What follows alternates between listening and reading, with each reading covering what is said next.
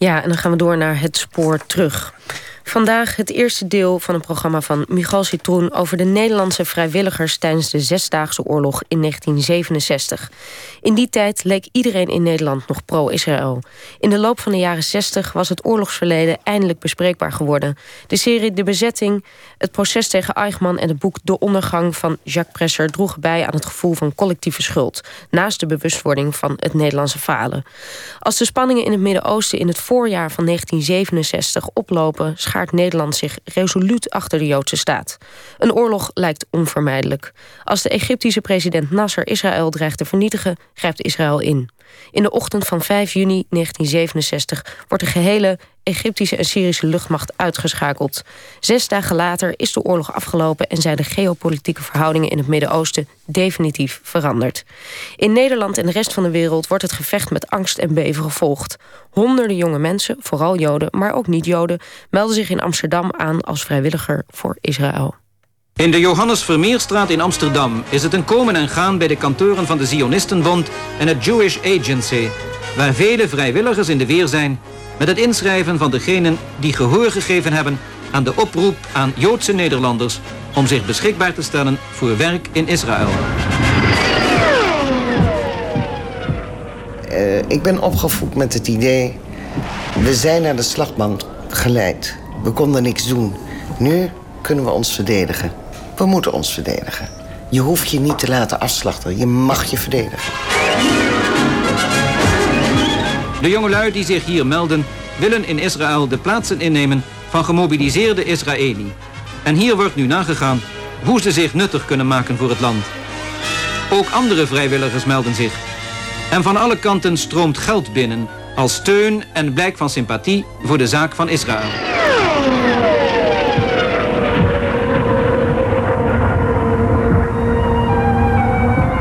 Het Midden-Oosten. Een reeks van incidenten tussen Arabieren en Israëli's. Nasser blokkeerde de Israëlische haven van Eilat en op 5 juni sloeg Israël terug. Een snelle Israëlische campagne die steunde op een goede inlichtingendienst... betekende in één dag het einde van Egyptes luchtmacht in de Sinaï. Moshe Dayan werd een paar dagen voor de oorlog minister van Defensie van Israël. I don't want anyone else to fight for us. But if somehow it will come for real fighting, I wouldn't like American or British boys to get killed here in order to, to secure Israel. We zagen onszelf niet als Israël helpen. Want dan pretendeer je nogal wat. Michael Barak is in juni 1967 in het laatste jaar van zijn opleiding tot verpleger in Haarlem. Maar we werden ook niet gevraagd om in het leger te werken. We werden eigenlijk gevraagd, steun ons. Ja, door handen. Dus uh, die oorlog kan wel uh, tien jaar duren of twintig jaar. En uh, onze soldaten moeten op de legerplaats zijn en het land of de vuilnisbakken worden niet geleegd. Steun ons in elk geval daarin. Het Vrije Volk, zaterdag 3 juni 1967. De Nederlandse psycholoog J.C. Bouwman, die reeds 17 jaar in Stockholm woont, is begonnen met de werving van een korps vrijwilligers voor Israël, die tot taak zullen krijgen daar de maatschappelijke machinerie op gang te houden. Mijn actie is bezig een enorm succes te worden, al dus Bouwman. Ik heb een oproep geplaatst in de grootste krant van Zweden en vanaf dat moment heb ik een niet te stuiten stroom van aanmeldingen gekregen. Behalve Zweden hebben Noren, Denen en Finnen gereageerd. Desgevraagd legt hij uit dat hij meent dat er na de Tweede Wereldoorlog een collectieve schuld is ten opzichte van het Joodse volk. Amsterdam, 29 mei 1967. S'avonds een uur of acht. Duizenden Nederlanders die uiting willen geven aan hun solidariteit met het bedreigde Israël... vullen de enorme zaal van de Oude Rijn. Door het plotselinge terugtrekken van de troepen van de Verenigde Naties... die langs de grenzen van Israël en Egypte gelegerd waren en door de blokkade van de golf van Aqaba door Nasser is een explosieve situatie ontstaan die elk ogenblik tot een oorlog tussen Israël en de Arabische landen kan leiden. Als om half negen voorzitter van der Hal van de Zionistenbond het woord neemt... staan en zitten in de zaal ongeveer 10.000 demonstranten. Als je me nu zou vragen, Harry, zou je nu vandaag weer zoiets kunnen organiseren? Dat kan niet meer. Dat kan niet meer. Het leven en de politiek heeft zich zo veranderd dat het zou niet meer mogelijk zijn. Harry Hes. Toen herinner ik me dat bijvoorbeeld bij die, bij die demonstratie die we hielden in de Oude Rij... dat er vol liep de zaal, helemaal vol liep. En, en de mensen hadden spandoeken bij zich, Israël enzovoort. Het leefde gewoon, Israël leefde. En nu is dat helemaal veranderd. In 1967 spreekt Joop den Uil als fractievoorzitter van de Partij van de Arbeid in de RAI. Toen ik vanavond deze zaal binnenkwam en u met uw vele duizenden hier zag staan, toen sloeg het ineens door me heen. Dit is Amsterdam. Amsterdam. Amsterdam dat opkomt voor Jeruzalem. De wereld werd vanmorgen opgeschrikt, luisteraars... door de eerste berichten over de ontbrande strijd... tussen Israël en zijn Arabische buurlanden. VARA-collega Sal Hamburger gaf in de namiddag het volgende commentaar. Het is natuurlijk nog te vroeg om zich een beeld te kunnen maken van de situatie aan het gehele front, waar de Israëlische troepen zich weren tegen de legers van minstens drie Arabische staten, die en wat personeel en wat materiaal betreft verre in de meerderheid zijn.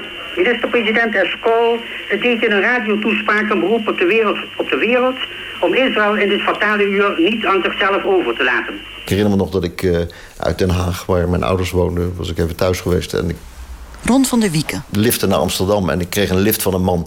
En dat was de tweede dag van de oorlog, of de eerste dag van de oorlog. En die zei, nou, volgens mij gaan ze eraan. Verschrikkelijk. Maar ze gaan er allemaal aan, die Joden. En ik, ik, ik moet zeggen, ik herinner me nog de, de angst die dat bij mij opwekte. Om tien minuten voor acht gingen de sirenen in Tel Aviv. En sindsdien gaan de onveilig en veilig signalen met korte tussenpozen door. Radio Damascus en Cairo berichten hevige luchtaanvallen op Tel Aviv. Maar ik kan u met een gerust hart verzekeren dat dit niet waar is. Ik herinner me nog dat, uh, dat we dat aan gekluisterd zaten aan de radio. Rosa en Ron van der Wieken ontmoeten elkaar in de zomer van 1967 bij een demonstratie voor Israël om alsmaar te hopen dat er, dat er goed nieuws kwam. En dat uh, de enorme angst was, maar die sloeg al vrij snel om in, ja, ik denk de tweede dag in optimisme. Want toen hebben ze geloof ik in één keer al die uh, Egyptische... Al die vliegtuigen, al die vliegtuigen ja. aan de grond in Egypte. Ja, dat gaf al zo'n opluchting. Want die Egyptenaren waren natuurlijk degene waar, waar, waar ze het meest bang voor waren. Ja, nee, ik herinner me nog dat, uh, dat ik thuis bij mijn ouders naar de televisie keek. En dat, toen had je nog niet CNN en dat soort dat je op grote kaarten liet de Nederlandse televisie dan de opmars van de Israëlische legers zien door de Sinai. Ja, die ging razendsnel. Dat was niet te begrijpen hoe snel dat ging. Met tanks en infanteristen. Maar dat, uh, dat, dat, was toen eigenlijk heel weinig tegenstand. En dat kwam voornamelijk omdat uh, de luchtmacht uh, op de grond eigenlijk was uitgeschakeld. Het begin van de oorlogshandelingen leidde in Amsterdam tot een grote demonstratie. Ook daar werd geld ingezameld voordat de mars door de stad begon waarbij allerlei leuzen werden meegedragen. Jong en oud, Jood en niet-Jood nam deel aan deze tocht, georganiseerd door de Joodse jongerenorganisaties. En daar heb ik aan meegedaan, want ik was ja, een student in de zestiger jaren. Dat was wat je deed, demonstreren. Hè? Dus, maar goed, dit lag mij natuurlijk ook heel na aan het hart. En uh, demonstreerde en ik uh, zag daar uh, een jongen lopen die ik, uh, waarvan ik dacht, die, die is voor mij. Dat was ook een heel belangrijk moment, zal ik maar zeggen. En het was allemaal vrij vanzelfsprekend. Het was geen, laat ik zo zeggen, voor mij was het een natuurlijk verlopen eigenlijk. Het, het was geen, geen grote happening. Ja, er was oorlog en dat, ja, dat leek mij vooral, vooral van groot belang dat ik me daarin ging mengen. En dat vonden mijn ouders ook best. Ja, vonden dat ook wel. En ik, volgens mij is mijn broer niet lang daarna ook gegaan, maar die kwam wat later. Die, maar um, ja, nee, dat, dat, was, dat was allemaal natuurlijk in de loop der dingen. Friese Courier, dinsdag 6 juni 1967. Overal in het land zijn of worden demonstraties gehouden waarin Nederlanders hun sympathie voor Israël tot uitdrukking willen brengen. In Amsterdam hebben gisteravond 6000 mensen een demonstratieve optocht gehouden die ruim 2 kilometer lang was. Er werden borden met leuzen als Vrede voor Israël en Geen Tweede München meegevoerd. In Rotterdam waren ongeveer duizend mensen bijeen op het Schouwburgplein. Het woord werd daar gevoerd door burgemeester Thomassen, die vanwege deze gelegenheid de opening van de Benelux-tunnel niet bijwoonde. De gemeente Rotterdam zal de stembussen, die normaal bij de verkiezingen worden gebruikt in winkels en dergelijke, uitzetten, waarin bedragen gestort kunnen worden. Minister van Buitenlandse Zaken Jozef Luns. It is of course natural that in the Netherlands, like in, in all the other countries, we are extremely worried about what is happening. And uh, we are very worried about the, the future of the state of Israel. Ik was toen heel erg betrokken bij allerlei propaganda om uh, Amsterdammers op te roepen om Israël te steunen. Dus we waren met geluidwagens zijn we door de stad gegaan om uh, de burgers van Amsterdam op te roepen om het, uh, om het strijdende Israël te steunen. Want dat leek er toen even op dat dat een heel ernstige afloop zou kunnen hebben in die, in die eerste dagen van die oorlog. Al vlug viel dat nogal mee, godzijdank. Maar het was toch wel heel verontrustend. En toen kwam ook het idee op om mensen die wilden... om die Joden dan in het algemeen... Om die naar Israël om te, om te faciliteren dat ze naar kibbutzim gingen... of andere plekken waar ze gebruikt konden worden. Waar ze arbeid konden verrichten. Om eigenlijk de bedoeling was dat de vrijwilligers de plaats zouden innemen... van mensen die het leger ingingen om dus zoveel mogelijk de, de normale gang van zaken in het land uh, te laten voortgaan. En er zijn toen een, ja, een paar honderd mensen wel hier vandaan naartoe gegaan. Friese Courier, dinsdag 6 juni 1967. Tegen het middaguur zijn van het Centraal Station in Amsterdam per trein naar Parijs negen jonge Joodse Nederlanders vertrokken die van plan zijn in Israël burgerdiensten te gaan verrichten. De leeftijd van de eerste groep varieert van 18 tot 25 jaar. Er is een verpleegster onder, de 19-jarige Esther van Gelder uit Amsterdam, en voorts studenten, kantoorbedienden, een ingenieur en een lasser. Ze hebben een overeenkomst getekend om gedurende vier maanden op sociaal en economisch terrein te gaan werken. Op de berichten omtrent de oorlogshandelingen in het Midden-Oosten werd over het algemeen positief gereageerd. Wel had zich één verpleegster na de eerste berichten voorlopig afgemeld. Ik was in opleiding in de CIS, Centraal Israëlitische Ziekenverpleging, als verpleegkundige. Esther van Gelder. Ik zat in de nachtdienst en mijn broertje kwam langs en zei: Weet je wat er aan de hand is? En ik zei: Nee. Toen vertelde hij wat er aan de hand was in Israël. En ik had zoiets van: Ik moet daar naartoe. Want we worden aan alle kanten aangevallen. We overleven dit niet. Ik ga daar naartoe. Wat moet ik hier nog in Nederland blijven? Um, toen ben ik naar de directrice gestapt. En ik heb gezegd, ik wil naar Israël. Natuurlijk, Joods ziekenhuis begrepen het. Ik ben toen naar Johannes Vermeerstraat gegaan. Gesprek gehad met Moussaf, psychiater. Die hebben mij toen geselecteerd om meteen naar Israël te gaan. En ik heb mijn spulletjes allemaal verkocht weggegeven. Want ik wist één ding zeker. Ik zou nooit meer terugkomen. Er gaan enige mensen morgen naar Israël. Maar het zijn niet uh, de mensen die uh, wij in het bijzonder nodig hebben. Chirurgen en anesthesisten, zoals ik zei. Enkele verpleegsters gaan, uh, die gaan ook morgen. Morgen gaan enkele verpleegsters. En er zijn een aantal verpleegsters uit de CIS, Centrale Israëlische Ziekenverpleging, die gaan. Wat daar weer moeilijkheden geeft, omdat die vervangen moeten worden. Maar dat kan door oudere getrouwde verpleegsters kunnen die vervangen worden.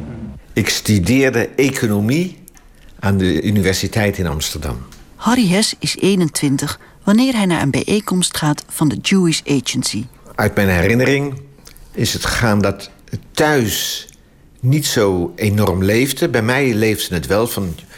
ik ga dat land helpen en... Uh, maar de werkelijke reden dat ik gegaan is... is die meneer... die, ik weet niet meer of hij nog leeft... ik weet ook zijn naam niet meer... maar ik herinner me dat ik hem vroeg bij een bijeenkomst voorafgaande aan die 7e juni of zo, wanneer we gevlogen zijn. Dat ik hem vroeg, meneer, is het echt nodig dat wij naar Israël gaan? En toen zei die man, ah, met een Israëliër. Meneer van, ja meneer, het is enorm nodig. En je hebt geen idee hoeveel jongens er in dienst zijn. En uh, je moet komen. Je moet komen. En toen dacht ik, nou, het is echt heel serieus. En ik voelde dus echt dat ik ging voor een goed doel. Mijn ideologie was als verpleegkundige: ik ga mee naar het front. En ik ga vechten voor mijn land. Dat wil zeggen, niet zozeer met het geweer, maar wel gewonden helpen, et cetera. Dus, ja, naar mijn idee zou ik nooit meer terugkomen. Want de omringende Arabische landen waren erop uit om Israël te vernietigen. En niet een beetje oorlog, maar gewoon vernietigen. Dus ik dacht, dat overleef ik niet. Friese Courier, dinsdag 6 juni 1967. Het had oorspronkelijk in de bedoeling gelegen gisteren 29 vrijwilligers weg te sturen. Maar de Nederlandse Zionistenbond kon voor zo'n grote groep de nodige formaliteiten nog niet in orde krijgen. Volgens zegslieden van de Zionistenbond loopt het aantal aanmeldingen al in de honderden. Het ligt dan ook in de bedoeling om, indien de toestand in het Midden-Oosten het nog mogelijk maakt, donderdagmorgen een nieuwe groep te laten vertrekken. De 22-jarige student in de economie Max Hasveld uit Den Haag zei: Deze situatie is één reden te meer om naar Israël te gaan.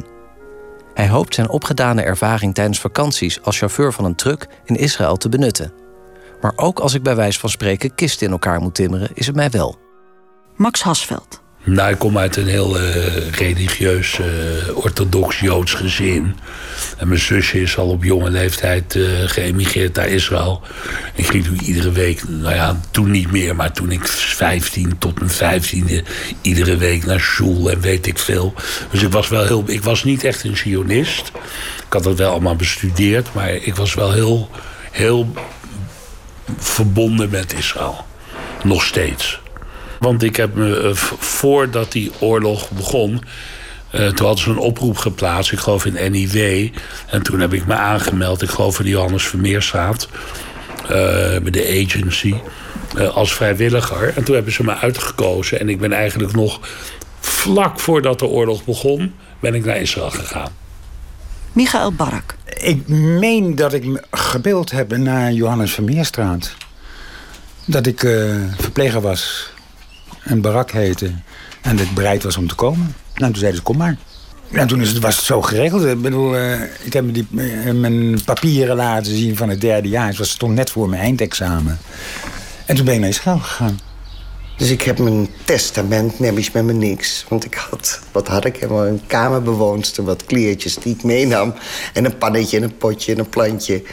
En mijn kamer had ik toen aan een collega gedaan. En die ik na de hand overigens niet terug heb gekregen. Uh,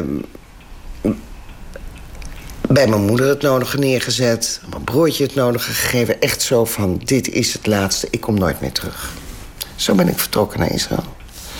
Maar ja, de dag dat we gingen vertrekken op uh, het Centraal Station...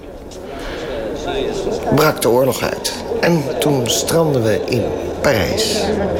Het is een ontzettend probleem op het ogenblik. Want ik heb juist door de radio gehoord... dat de vliegvelden in het Midden-Oosten allemaal voor de burgerluchtvaart gesloten zijn. Dus ik weet helemaal niet of deze jongelui nog op de bestemde plaats zullen komen. Gaan er nu op korte termijn nog meer jonge vrijwilligers weg? Ja, ongeveer 40 staan er nu klaar om deze week nog te vertrekken. Deze zijn nog niet helemaal klaar, maar ze zijn wel van plan te gaan. Leeuwarder Courant, maandag 5 juni. Even voor het vertrek hedenmorgen om 11.56 uur van de eerste negen Nederlandse vrijwilligers naar Israël kwam een Joodse juwelier het eerste perron opstormen van het Amsterdam Centraal Station. Hij zwaaide naar de coupé met een grote cassette en riep: Wie heeft er geen horloge? Negen rechterarmen werden gestrekt en twee bleken er leeg. Pak maar een mooi klokje, zei ademloos de gullegever. Dan weten jullie tenminste hoe laat het is. Door de toestand op de luchtvelden van het Midden-Oosten is het nog niet zeker wanneer de groep vanuit Parijs verder kan. 19-jarige verpleegster Esther van Gelder zei: Ik moet wel gaan. De berichten van vanochtend hebben mij gesterkt in mijn beslissing. Max Hasveld, 21-jarige economiestudent, vindt het de plicht van elke Joodse jongen zich aan te melden. Het lot van Israël is ook zijn lot. Intussen staat de telefoon op het kantoor van de Jewish Agency in Amsterdam roodgloeiend. Men wordt overstroomd met aanmeldingen van vooral jonge mensen. Shalom, shalom, shalom.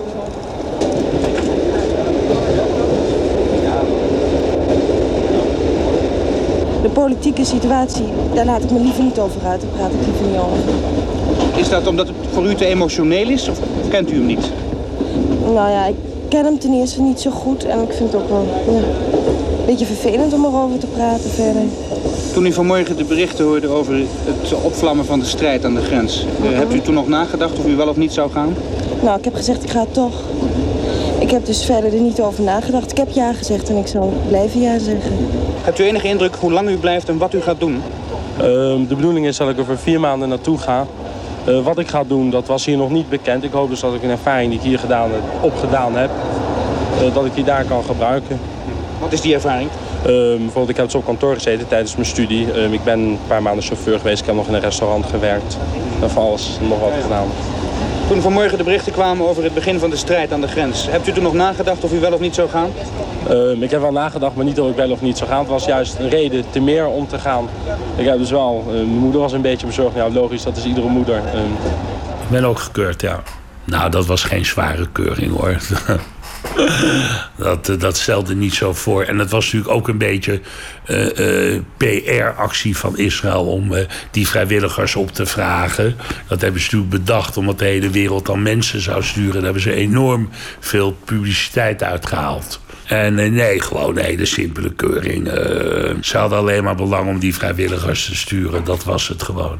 Ik denk als je half bezongen was, dat ze je nog gestuurd hadden. Gek genoeg staat in mijn geheugen gegrift dat ik na een nacht heerlijk slapen. Ik sliep namelijk volgens mijn gedachten van half twaalf tot half acht ochtends.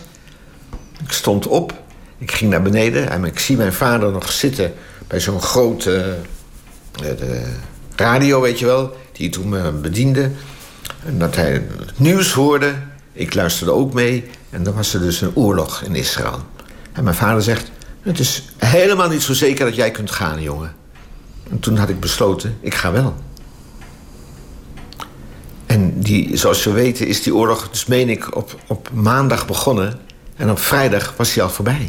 Ik ben maandagochtend vroeg weggegaan. Dat was toen nog uh, was ik op het journaal in Nederland. En ben ik om, uh, ik geloof, negen of acht uur s ochtends uh, weggegaan. En toen brak net die oorlog uit. Of ik dat een probleem vond. Of ik dat misschien toch niet durfde. Ja, tuurlijk durf ik wel. Daarvoor ga ik juist.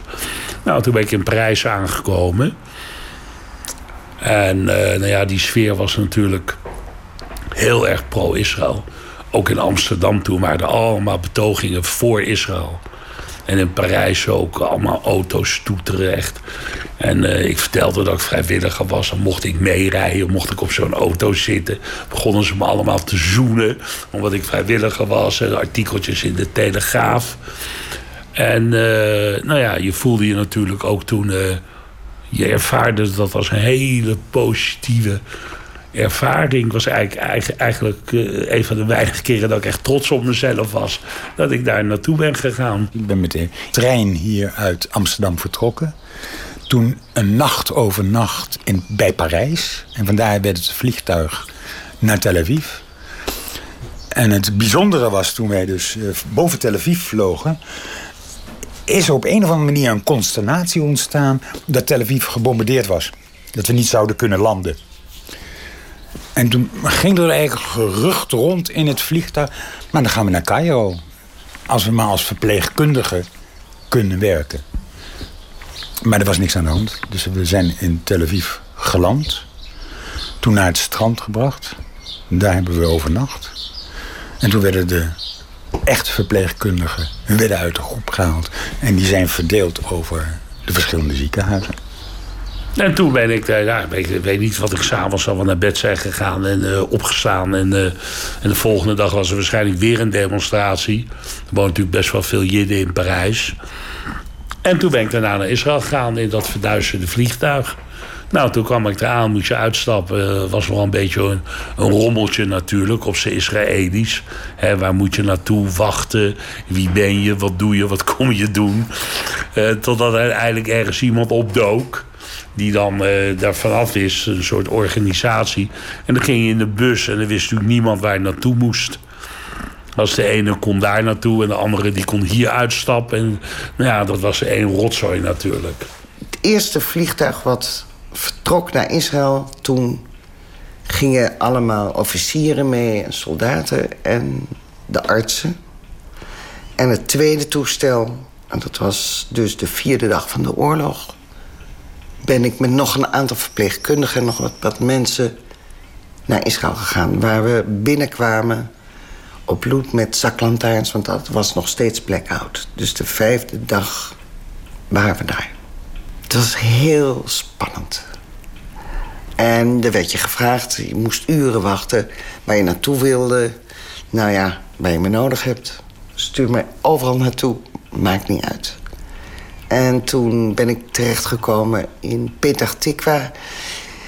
in een ziekenhuis, toen voor allemaal opgegeven mensen. Daar ben ik drie maanden geweest. Al het personeel was in dienst, dus wij moesten met een Belgische en een andere Nederlandse verpleegkundige... hebben wij daar eh, drie maanden gewerkt. Voor niets. En toen teruggekeerd naar Nederland. Dit is Sam Hamburger uit Jeruzalem. Het was vandaag een dag van ontzaglijke betekenis voor Israël. Niet alleen omdat zijn troepen de verbeten tegenstand van het Arabische legioen braken... en Jeruzalems ommuurde oude stad binnendrongen... maar ook omdat de befaamde klaagmuur, restant van Salomons tempel... in Joodse handen is gevallen. Leeuwarder Courant, 8 juni 1967. De Britse politie heeft op het vliegveld van Londen een einde moeten maken aan een gevecht onder de op het vliegveld wachtende vrijwilligers voor Israël. Velen wachten al bijna 48 uur op reisgelegenheid naar Israël toen bekend werd dat op het vliegveld Gatwick, 30 kilometer ten zuiden van Londen, een vliegtuig van El Al met 162 plaatsen was aangekomen. Er ontstond een run op het boekingskantoor en er braken gevechten uit. Er vielen geen ernstige gewonden. De gelukkige 162 reisden per bus naar Gatwick. De overigen blijven wachten op een volgend toestel. Ik kwam aangevlogen met een groep jonge lui... waarvan ik een, aantal nog ken. Toen was de startbaan op Loot Airport... die was... Ge, uh, lichten waren uit op de startbaan. Er was alleen lichten aangedaan voor de landing... en dan ging het licht uit. Dus we, we landden eigenlijk op een donker, heel donker vliegveld...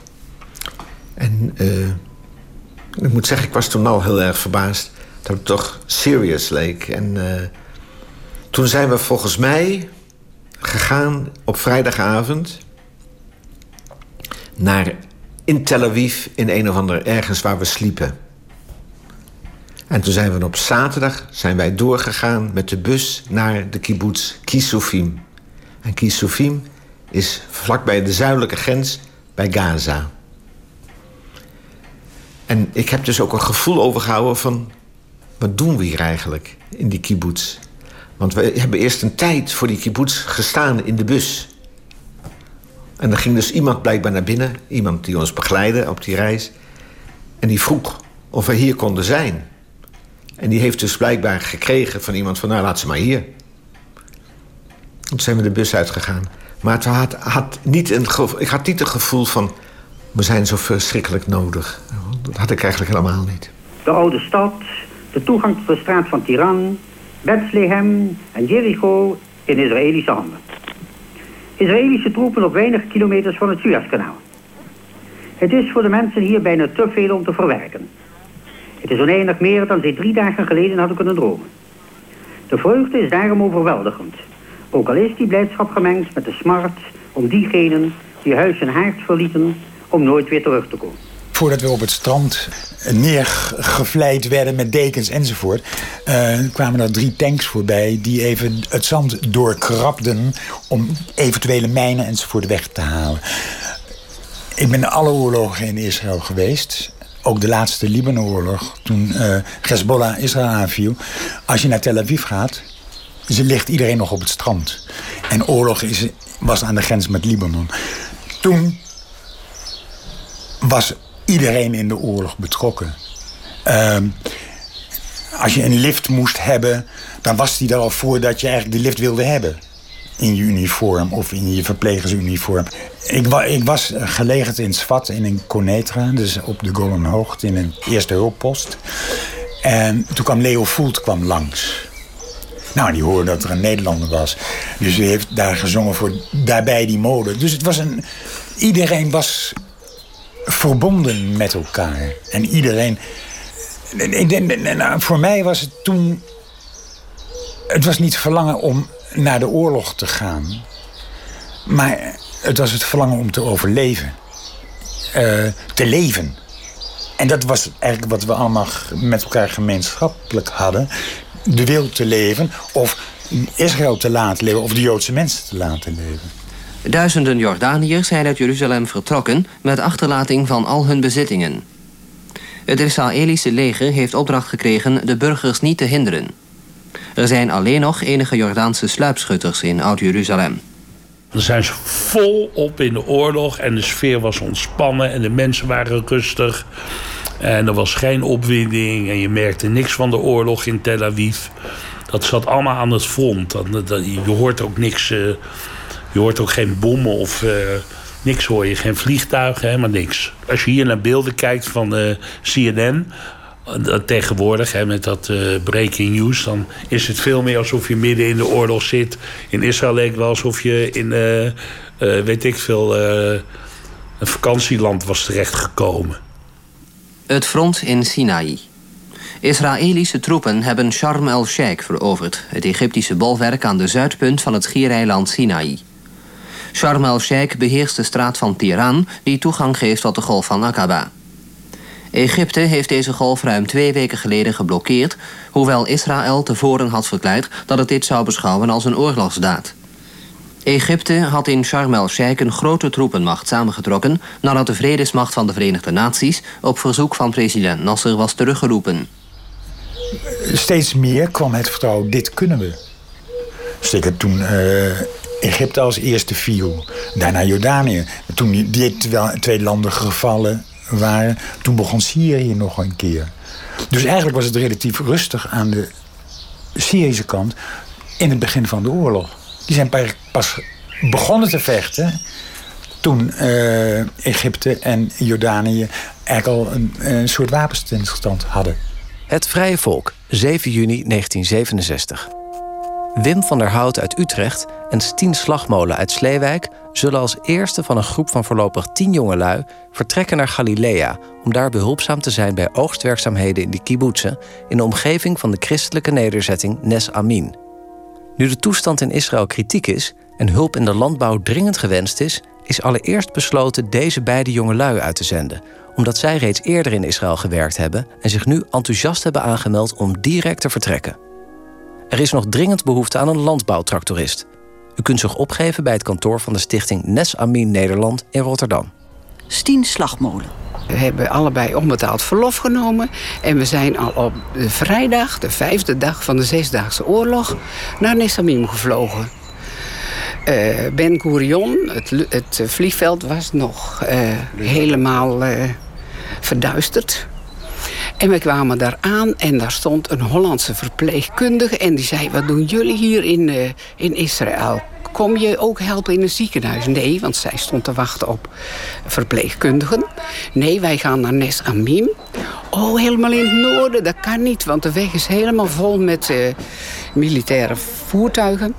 Blijf vannacht maar bij ons slapen in Tel Aviv. En dan zien we morgen verder. Hebben wij gedaan.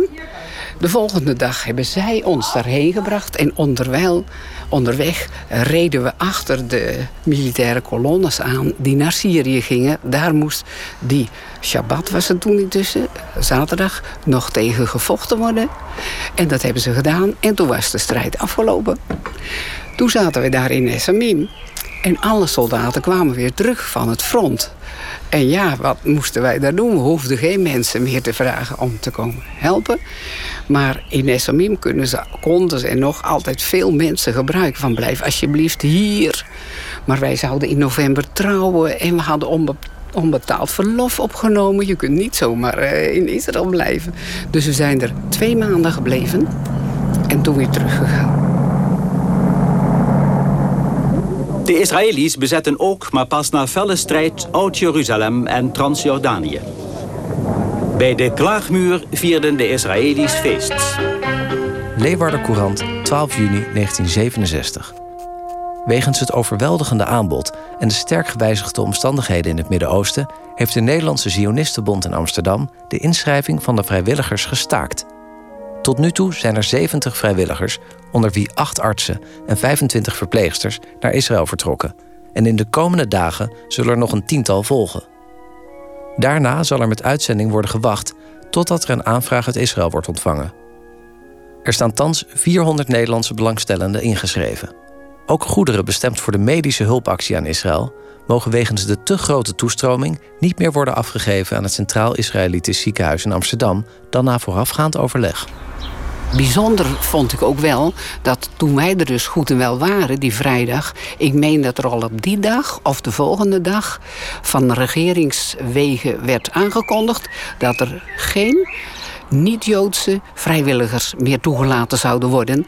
Want het land was overstroomd door vrijwilligers al die dagen van de Zesdaagse Oorlog. En ze dachten, Joodse, die kunnen we misschien wel houden hier voor de opbouw van het land. Maar zoveel, ze, ze wisten er geen raad mee. Dus toen was het met de niet-Joodse vrijwilligers afgelopen. Wij waren er dus nog net bij tijd.